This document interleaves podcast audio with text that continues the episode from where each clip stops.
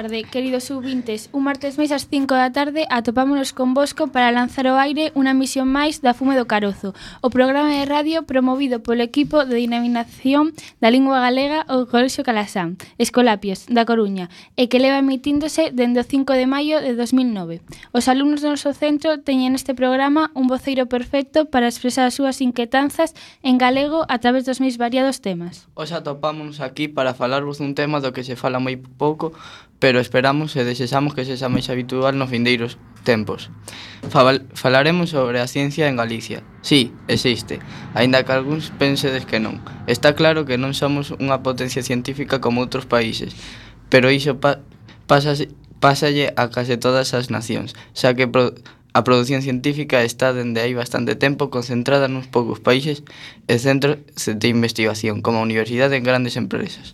Pero ao longo da nosa historia xa tivemos persoeiros de certo peso que fixeron as súas achegas científicas nos máis diversos campos, como hoxe comprobaredes. Os seus nomes non son moi coñecidos, pero tamén é certo que moitas rúas das nosas cidades levan os nomes de algúns deles para honrar a súa figura ante o descoñecemento case xeral da poboación común.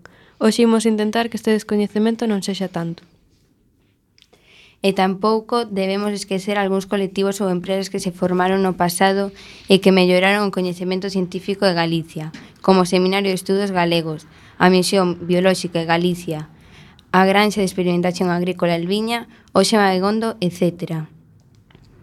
Antes de comenzar a debullar os contidos de hoxe, Poñeremos algo de música, pero non debemos facelo sen antes presentarnos as persoas que hoxe vos imos acompañar. Natalia Gómez Alcedo. Samuel Besteiro Miguens. Carla Fraga Pensado. Ainara Fernández López. Carmen do Pico Gantes. Isari Canedo Zas. Marcelo Botacho Mungarreta. A música que nos acompaña nos acompaña hoxe será do disco O Berro Seco, editado polo grupo Milladoiro no ano 1980, e que está considerado un dos discos máis importantes da historia da música galega. A primeira canción titúrase O Berro Seco, deixamos, deixamos vos con ela.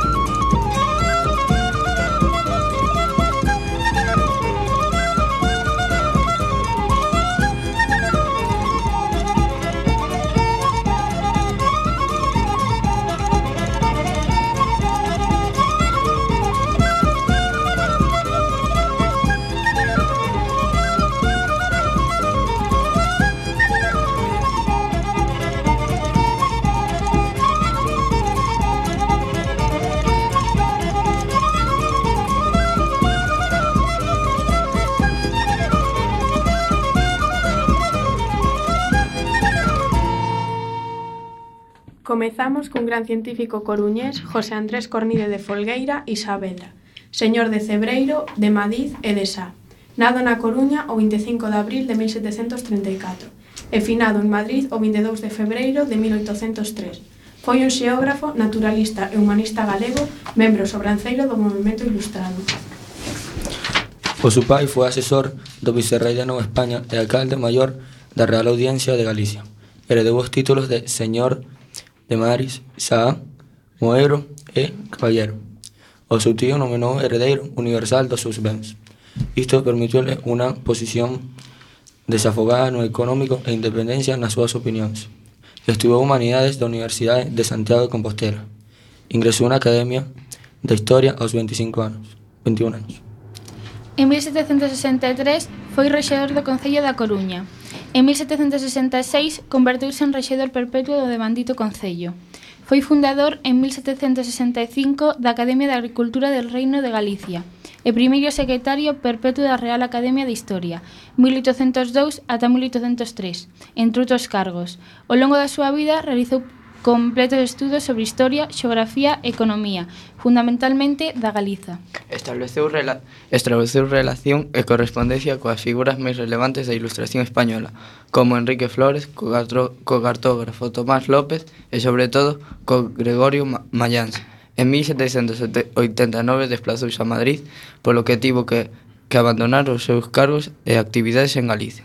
A finais do século XVIII foi comisionado para unha viaxe a Portugal xunto a Melchor de Prado e Carrillo de Albornoz, onde terían que levar a efecto unha misión secreta encargada por Godoy, pola que tiñan que coñecer e avaliar o potencial militar luso.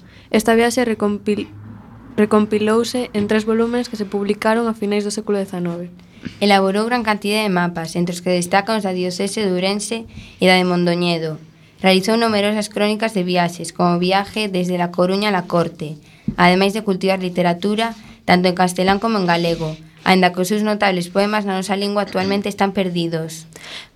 As súas obras publicadas máis importantes foron Memoria sobre la pesca de la sardina e las costas de Galiza no 1774, Historia natural de los peces e outras especies marinas de Galiza en 1778. Las casitérides o islas del estaño restituidas a los mares de Galicia. Disertación crítica en que se procura probar que estas islas no son las sorlingas, como pretende en su obra Britannia William Camden, y sí de la costa occidental del Reino de Galicia. Investigaciones sobre la fundación y fábrica llamada La Torre Hércules, situada en la entrada del puerto de La Coruña, Estado de Portugal en el año 1800. Na cidade da Coruña leva o seu nome unha pequena rúa empinada que vai de Alfonso Molina a Federico Tapia, na zona onde remata a rúa Juan Flores. Tamén hai un colexio de primaria, a carón do Instituto da Sardiñeira, que o lembra. O Instituto de Estudos Coruñeses Xosé Cornide deixa claro que foi un dos sabios moi eminentes que naceu na nosa cidade. Ademais, aínda se conserva a súa casa, xusto en fronte do adro da Colexiata de Santa María, na cidade Bella. Pero como obviamente nin o mundo nin Galicia non, non rematan na Coruña, a pesar do que digan algúns. Imos falar agora dun curioso persoeiro que fixo unha importante achega á disciplina das calculadoras matemáticas e, polo tanto, da informática. Ramón Silvestre Berea Gar García, nado 11 de decembro de 1833, en Currantes, a Estrada, e falecido en Buenos Aires en o 6 de febreiro de 1899. Foi un escritor e invertón galego. Logo de estudiar en Santiago de Compostela, emigrou a Cuba, onde traballou como mestre e escribiu dúas novelas, La Cruz de Piedra e Una, e una mujer con dos maridos. En 1865 trasladase a Nova York, onde inventara a súa máquina de calcular. O goberno americano concedeulle a patente o 10 de setembro de 1878, o mesmo ano no que gañou unha medalla da Exposición Mundial de Inventos de Cuba. Tamén estivo tras a construción dunha máquina para dobrar xornais. Tras un tempo trasládase de novo a Guatemala, exiliado pola súa forte oposición á política colonista americana e despois a Bos Aires. Nesa cidade fundaría a revista O Progreso e seguiría publicando e exercendo de xornalista. Morreu só e pobre na capital argentina, sendo soterrando nun panteón anónimo do Camposanto do Oeste. O seu mento principal foi unha calculadora, unha máquina duns 23 kg de peso, 35 cm de longo e 30 cm de ancho e 20 de alto, capaz de sumar, multiplicar e dividir números de nove cifras, admitindo ata seis números no multiplicador e 15 no produto. A multiplicación resolvía mediante un método directo baseado nun mecanismo panteado por Edum de Barbou en 1872, que empre empregaba un sistema que obtiña valores dunha táboa de multiplicar codificada de xeito similar ao sistema Braille. O aparello podía resolver unha operación coma 698.543.721 por 807.689 en 20 segundos, unha velocidade sorprendente para a época. Non entanto, Berea non perseguía máis que demostrar que os españois, e non digamos os galegos, podían inventar igual que os americanos – polo que o seu invento só deixou pegada na historia da computación como base para futuras máquinas, como a de Otto Steyer. Os grandes xornais americanos loubaron o invento. A súa máquina consérvate, consérvase nos, dis, nos depósitos da sede central de IBM en White Plains, Nova York, formando parte da colección iniciada en 1930 por Thomas J. Watson, Sr., presidente fundador de IBM. Non nos consta que na nosa, na nosa cidade nin nas outras grandes cidades galegas exista unha rúa ou outro tipo de equipamento público que leve o seu nome. Supoñemos que se debe a que foi moi descoñecida a súa figura. Despois de coñecer a estes dous interesantes galegos, imos escoitar a segunda peza musical, neste caso a canción A Cruz da Bella, do grupo Milladoiro.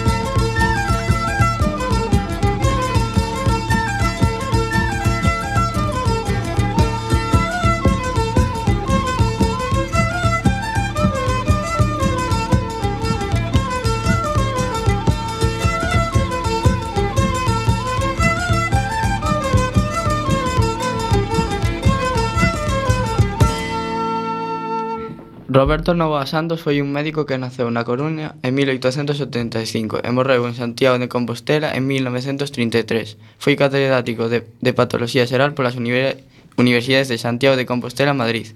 Deu conferencias en Francia, Alemanha, Austria, Cuba, Argentina e Uruguai. Logo de estudar Medicina en Santiago de Compostela, comezou na docencia como profesor auxiliar da Patología Xeral na Facultade de Medicina de Santiago.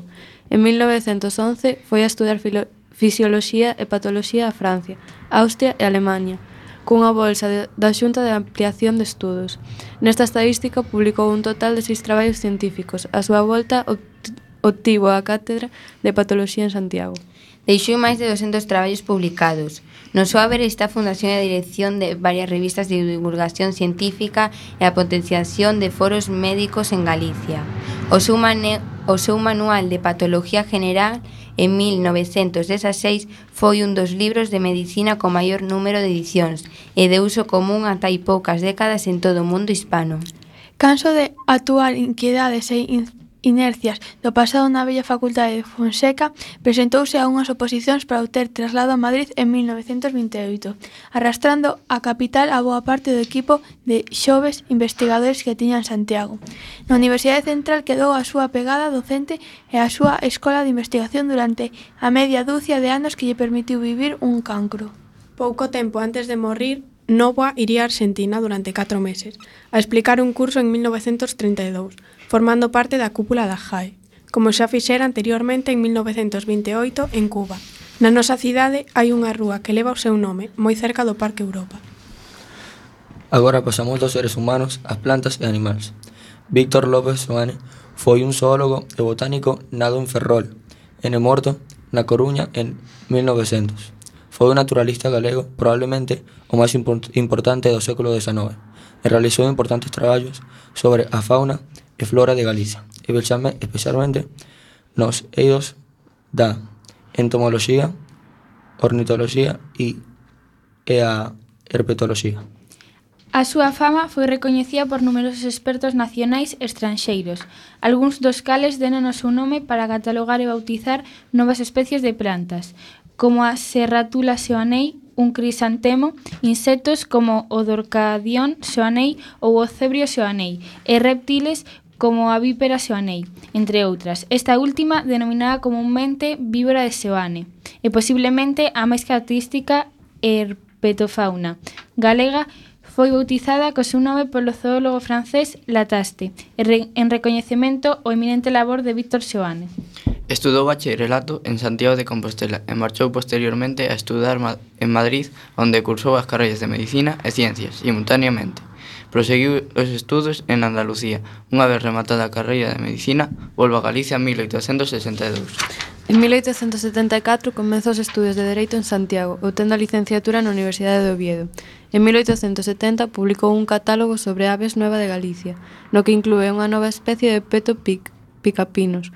En 1876 comezou a estudia los réptiles galegos, publicando xa no ano seguinte a primeira publicación específica neste tema, Réptiles e anfibios de Galicia.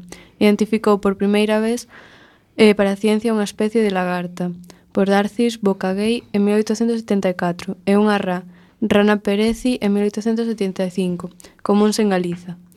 En 1875 redactou o capítulo dedicado á historia natural galega na obra Enciclopedia, Historia de Galicia, dirixida por Manuel Murguía, con quen asistía ás tertulias da, nova, da cova céltica.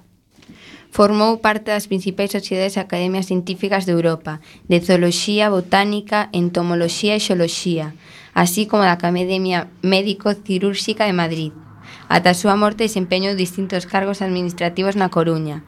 Na Coruña hai unha rúa co seu nome, por detrás da igrexa de San Pedro de Mezonzo, e un, e un colexo de primaria no barrio Monte Alto. Esperamos que a partir de hoxe xa sintades máis interese pola figura e sexades conscientes de que Galicia tamén houbo grandes naturalistas, aínda que non sen xa moi célebres entre a ciudadanía. Imos escoitar a terceira parte musical, neste caso a canción de a canción Fisterra do grupo Milladoiro. Música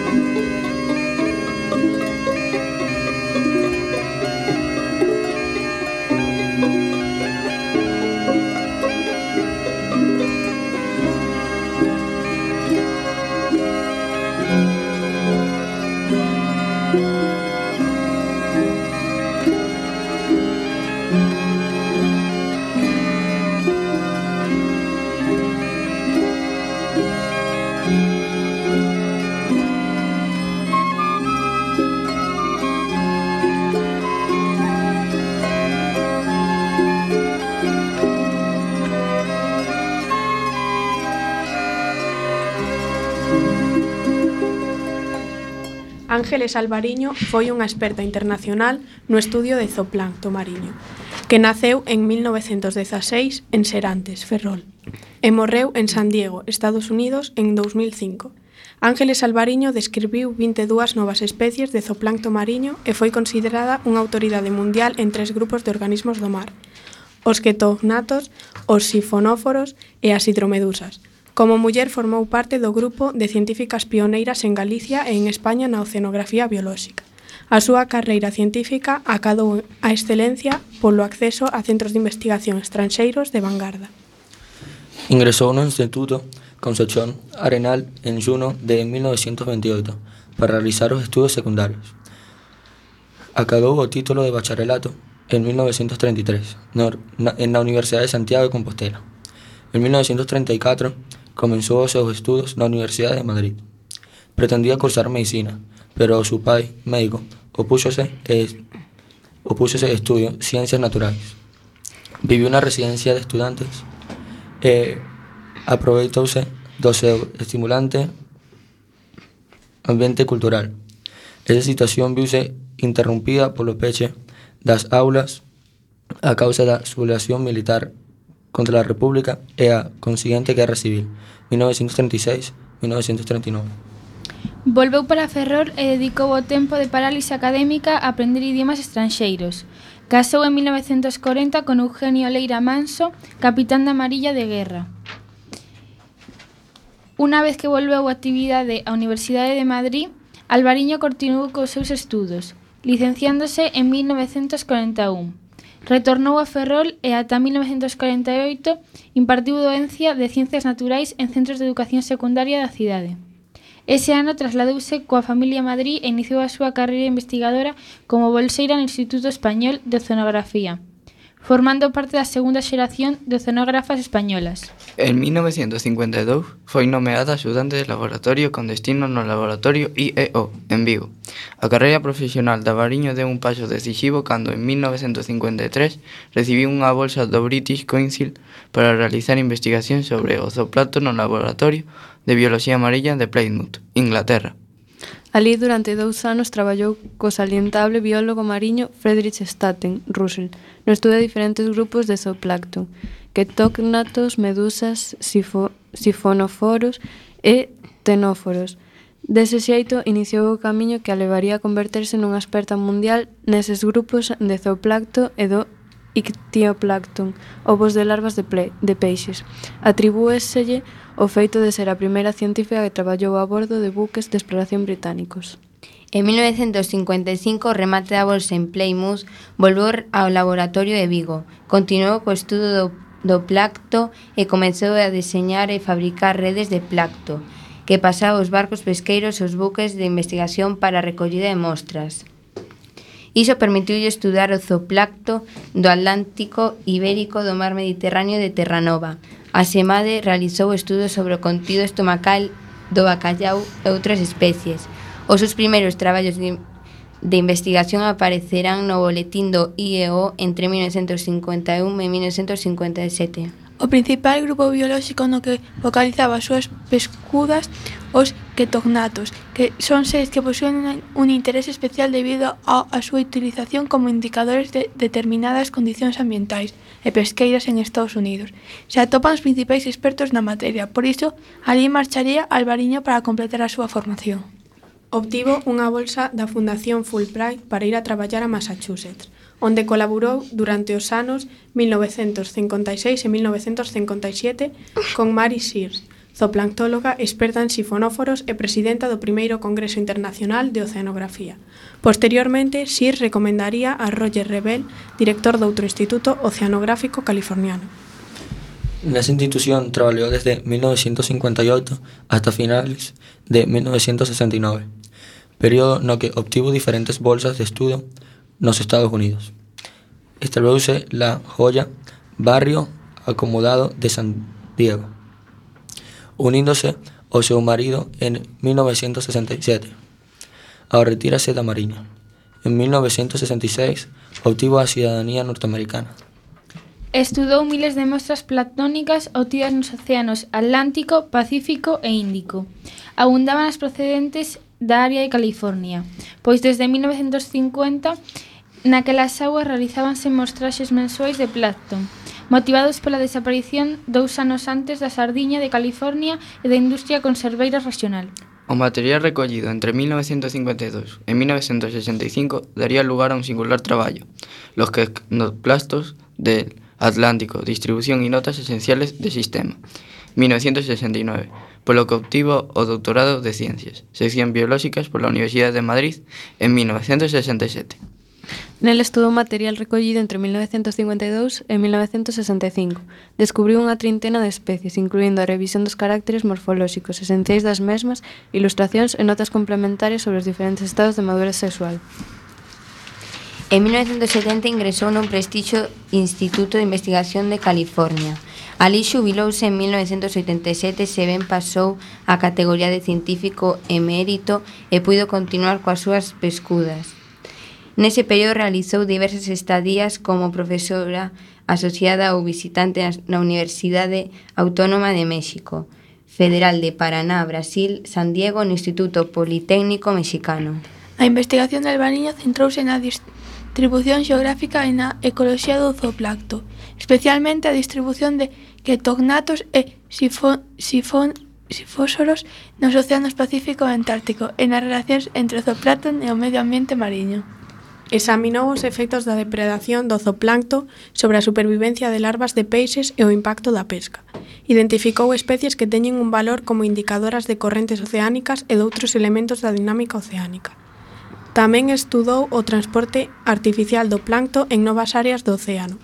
Entre 1977 e 1979 coordinou a investigación oceánica dos países hispanoamericanos. Ángeles Alvariño foi distinguida con medalla de prata de Galicia no ano 1993. A Universidade da Coruña dedicou a Semana das Ciencias en 2005. E o Consello de Ferrol rendoule un homenaxe póstuma no campus de Esteiro, onde se descubrió unha placa conmemorativa na súa honra. No ano 2012, o Instituto Español de Oceanografía, IEO, construiu un novo buque oceanográfico e o le puxo como nombre Ángeles Alvariño. Esperamos que coñecer a historia de Ángeles os faga conscientes de que en Galicia hubo tamén e segue habendo grandes mulleres científicas, aínda que non sexan moi célebres entre a cidadanía. Imos escoitar a carta peza musical, neste caso a canción Muñeira Bella de Mordomo, do grupo Milladoiro.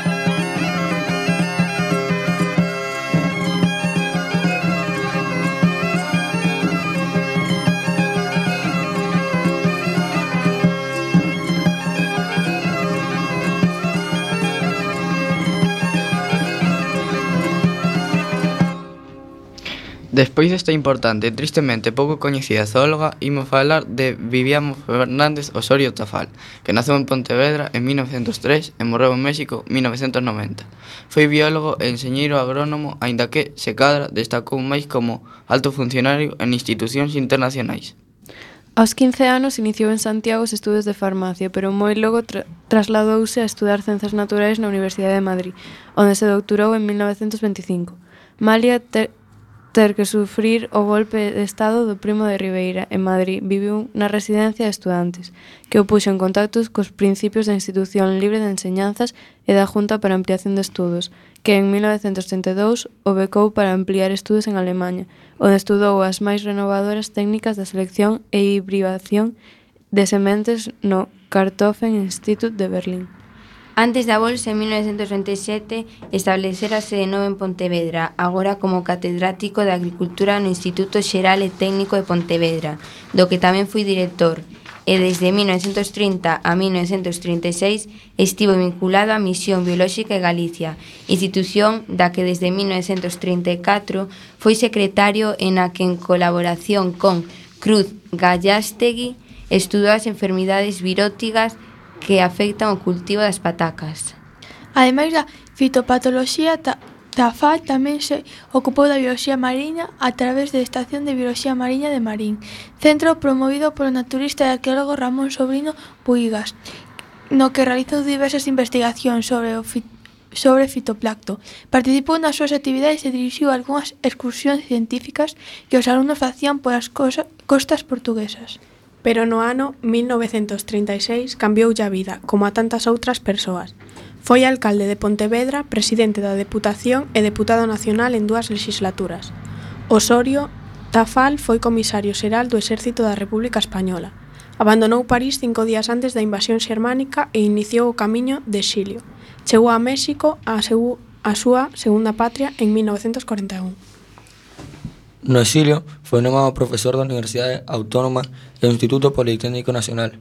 Reanudó actividades investigadoras desde el Laboratorio de Hidrobiología en la Escuela Nacional de Ciencias Biológicas de México, siendo ainda hoy muy valorados científica y socialmente. Muchos de sus estudios y propuestas, como la defensa do mar patrimonial de México.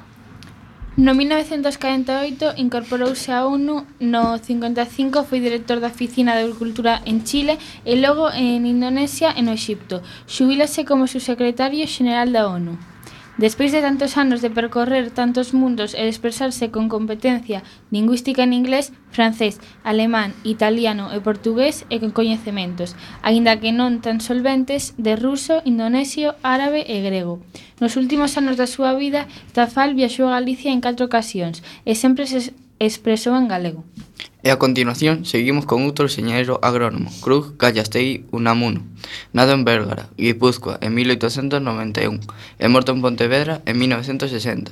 A súa formación foi en lugares como Limoges, Francia, Hohenheim, Alemanha e Estados Unidos, onde obtivo os doutorados pola Universidade de Cornell e Harvard. En 1921 desem Desembarca na Coruña e xunto co seu amigo Juan López Suárez convencen a Junta de Ampliación de Estudos, JAI, da que formaban parte o, o Premio Nobel Santiago Ramón y Cajal, para que se crea a Misión Biolóxica de Galiza, un, ce un centro de bioloxía aplicada á agricultura. En abril de 1921 nace a Misión Biolóxica con sede en Santiago e Gallastegui de director, no que agora é o actual edificio do Parlamento de Galicia, daquela Escola de, Ve de Veterinaria e o primeiro que se fixo foi plantar miño na parcela de media hectárea da horta. Esta entidade foi a primeira en España e a segunda en Europa en facer traballos de hibridación de cereais. Principalmente traballou na hibridación do millo e, e o andazo da tinta dos castiñeiros, ademais outros estudos xenéticos e foi grande impulsadora da mellora e da modernización da agricultura galega. A misión permaneceu en Compostela de 1921 a 1926, ano no que se quedou sen local ao desaparecer a Escola de Veterinaria, pero en 1927 vai para Pontevedra, primeiro na finca da Tablada e máis tarde na granxa e Pazo de Gandarón, en Salcedo, onde aínda se ubica na actualidade. A pesar das incertezas que provocou a Guerra Civil en 1939, a misión biolóxica para depender do Consello pasa a depender do Consello de Investigación Científicas como aínda é agora. En 1945 condeuse a encomenda do Cabaleiro da Orde do Mérito, do Mérito Agrícola, e ao ano seguinte a Gran Cruz Alfonso e o Sabio.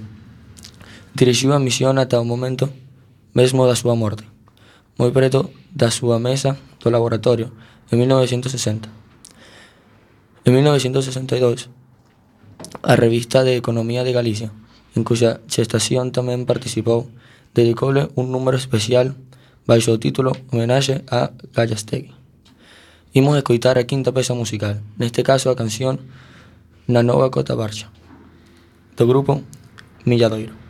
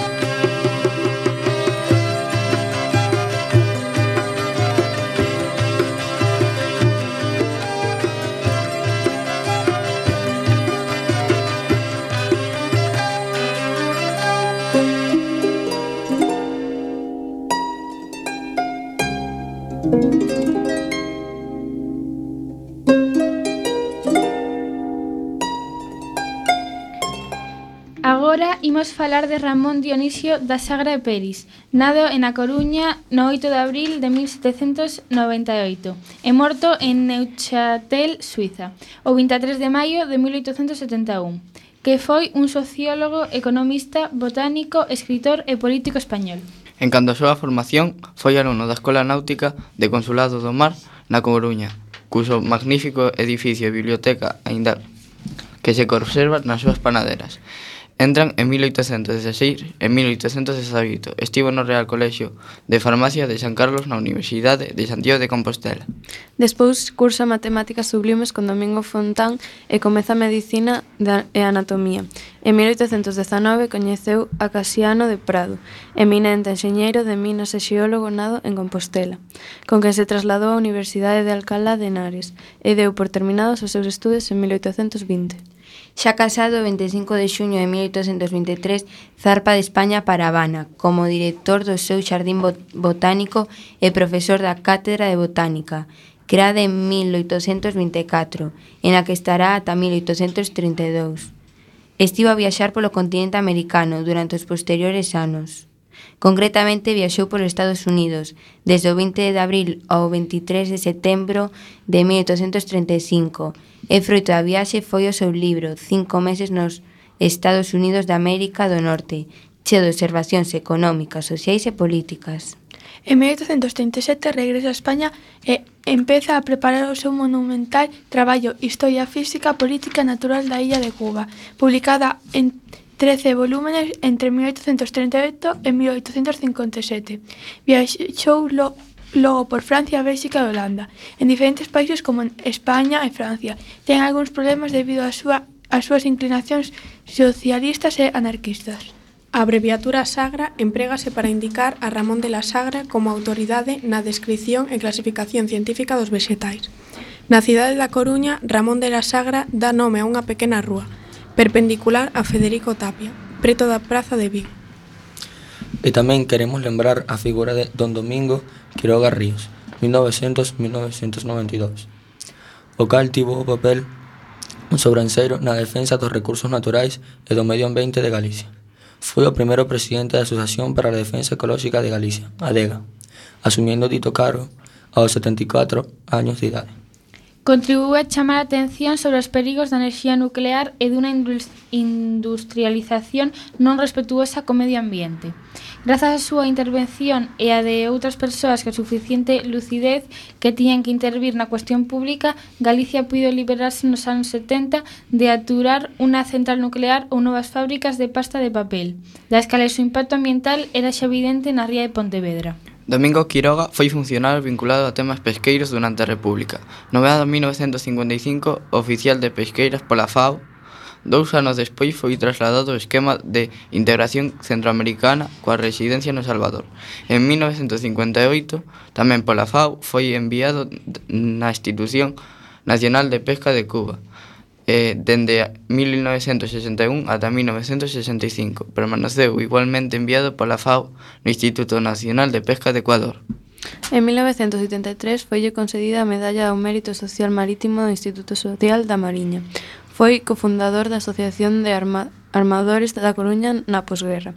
Publicou artigos sobre estas temáticas en La Voz de Galicia, El Eco de Galicia, El Heraldo de Galicia, El País e El Noroeste, Dedicou gran parte da súa labor como publicista á pesca marítima, particularmente a galega, e entre outros traballos publicou La pesca de arrastre en Galicia e sus problemas, 1971, La pesca de la merluza con nodo gordiano, 1968, Algúnas reflexións en col da economía pesqueira galega, 1969, etc. E para rematar, imos falar de Xosé Rodríguez González. Foi un insigne matemático, agrónomo e científico de ilustración en Galicia, nado en Lalín en 1770 e que faleceu en Santiago en Compostela en 1824. Foi tamén coñecido como Matemático Rodríguez ou Matemático de Bernés, parroca lalinense na que naceu. Era considerado liberal, pero non no sentido actual do termo, senón no dos séculos pasados. Nado no seo dunha familia de labregos, grazas á axuda dun tío sacerdote, logra cursar estudos cos xesuitas de Monforte de Lemos e na Universidade de Santiago de Compostela. Aos 28 anos acada a cátedra de Matemáticas Foi profesor de astronomía, creador da sección de mineraloxía do Museo de Ciencias Naturais e así mesmo foi director do Observatorio Astrómico de Madrid. Durante a invasión francesa foi comisionado da Junta Central para trazar un mapa da península e fixar un sistema máis exacto de pesas e medidas. Inspirou en Domingo Fontán o pensamento para o trazado da Carta Xeométrica de Galicia. Viaxou por Francia, Inglaterra e Alemanha, percorrendo as principais universidades e centros literarios, intercambiando coñecementos e mantendo amizade de sabios e eruditos de toda Europa, como Laplace e Arago. En 1806 foi comisario xunto con François Arago e Jean Baptiste Biot para continuar os traballos de Pierre Mechaint para medir o meridiano entre Barcelona e Dunkerque. Tamén traballou pola Royal Society en, un, en unhas medicións xeosícas no Pacífico e imparte curso na Universidade Alemá de Gotinga. O Tsar Alexandre ofrecelle a posibilidade de dirixir o Observatorio de San Petersburgo, invitación que rexeita. Rodríguez foi representado á Academia das Ciencias Francesas, da que obtivo total aprezo e distinción dos xeometras e astrónomos máis famosos daquela, en especial de Pierre-Simon Laplace. Home liberal, de ideas avanzadas no social e con talante europeo, Rodríguez é obxeto de envexas dentro e fora da cátedra e remata sufrindo a sorte de moitos mal chamados afra afrancesados. Marxinado polo poder absolutista, só sabemos que faleceu en Santiago en 1823, con apenas 54 anos de idade. En ignorada tumba repousan os restos deste home a quen os historiadores recordan como un das grandes lumieras da ciencia española. Segundo os seus cálculos, o Centro Xeográfico de Galicia está na parroquia de Bernés, en Lalín, casualmente onde el naceu. Imos escoitar a sexta peza musical, neste caso a canción Unha noite no Santo Cristo, do Grupo Milladoiro.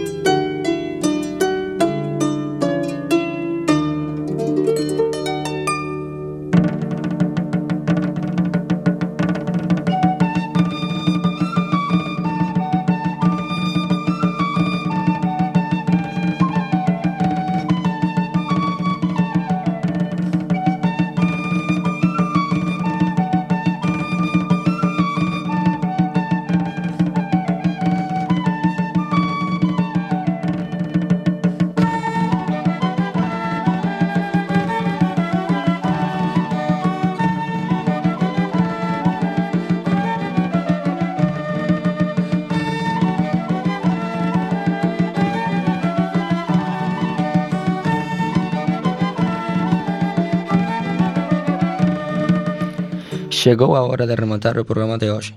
Lembrade que todos os martes ás 5 da tarde o equipo de dinamización da lengua galega do Colexio Calasáns, Escolapios, da Coruña emite este programa de Afume de Caroz, realizado por alumnos do noso centro. Hoxe os presentadores fomos Natalia Gómez Salcedo. Samuel Besteiro Miguens Carla Fraga Pensado. Ainara Fernández López. Carmen do Pico Gante. Isari Canedo Zas Marcelo Patacho Mungarreta. ¡A fume de carozo!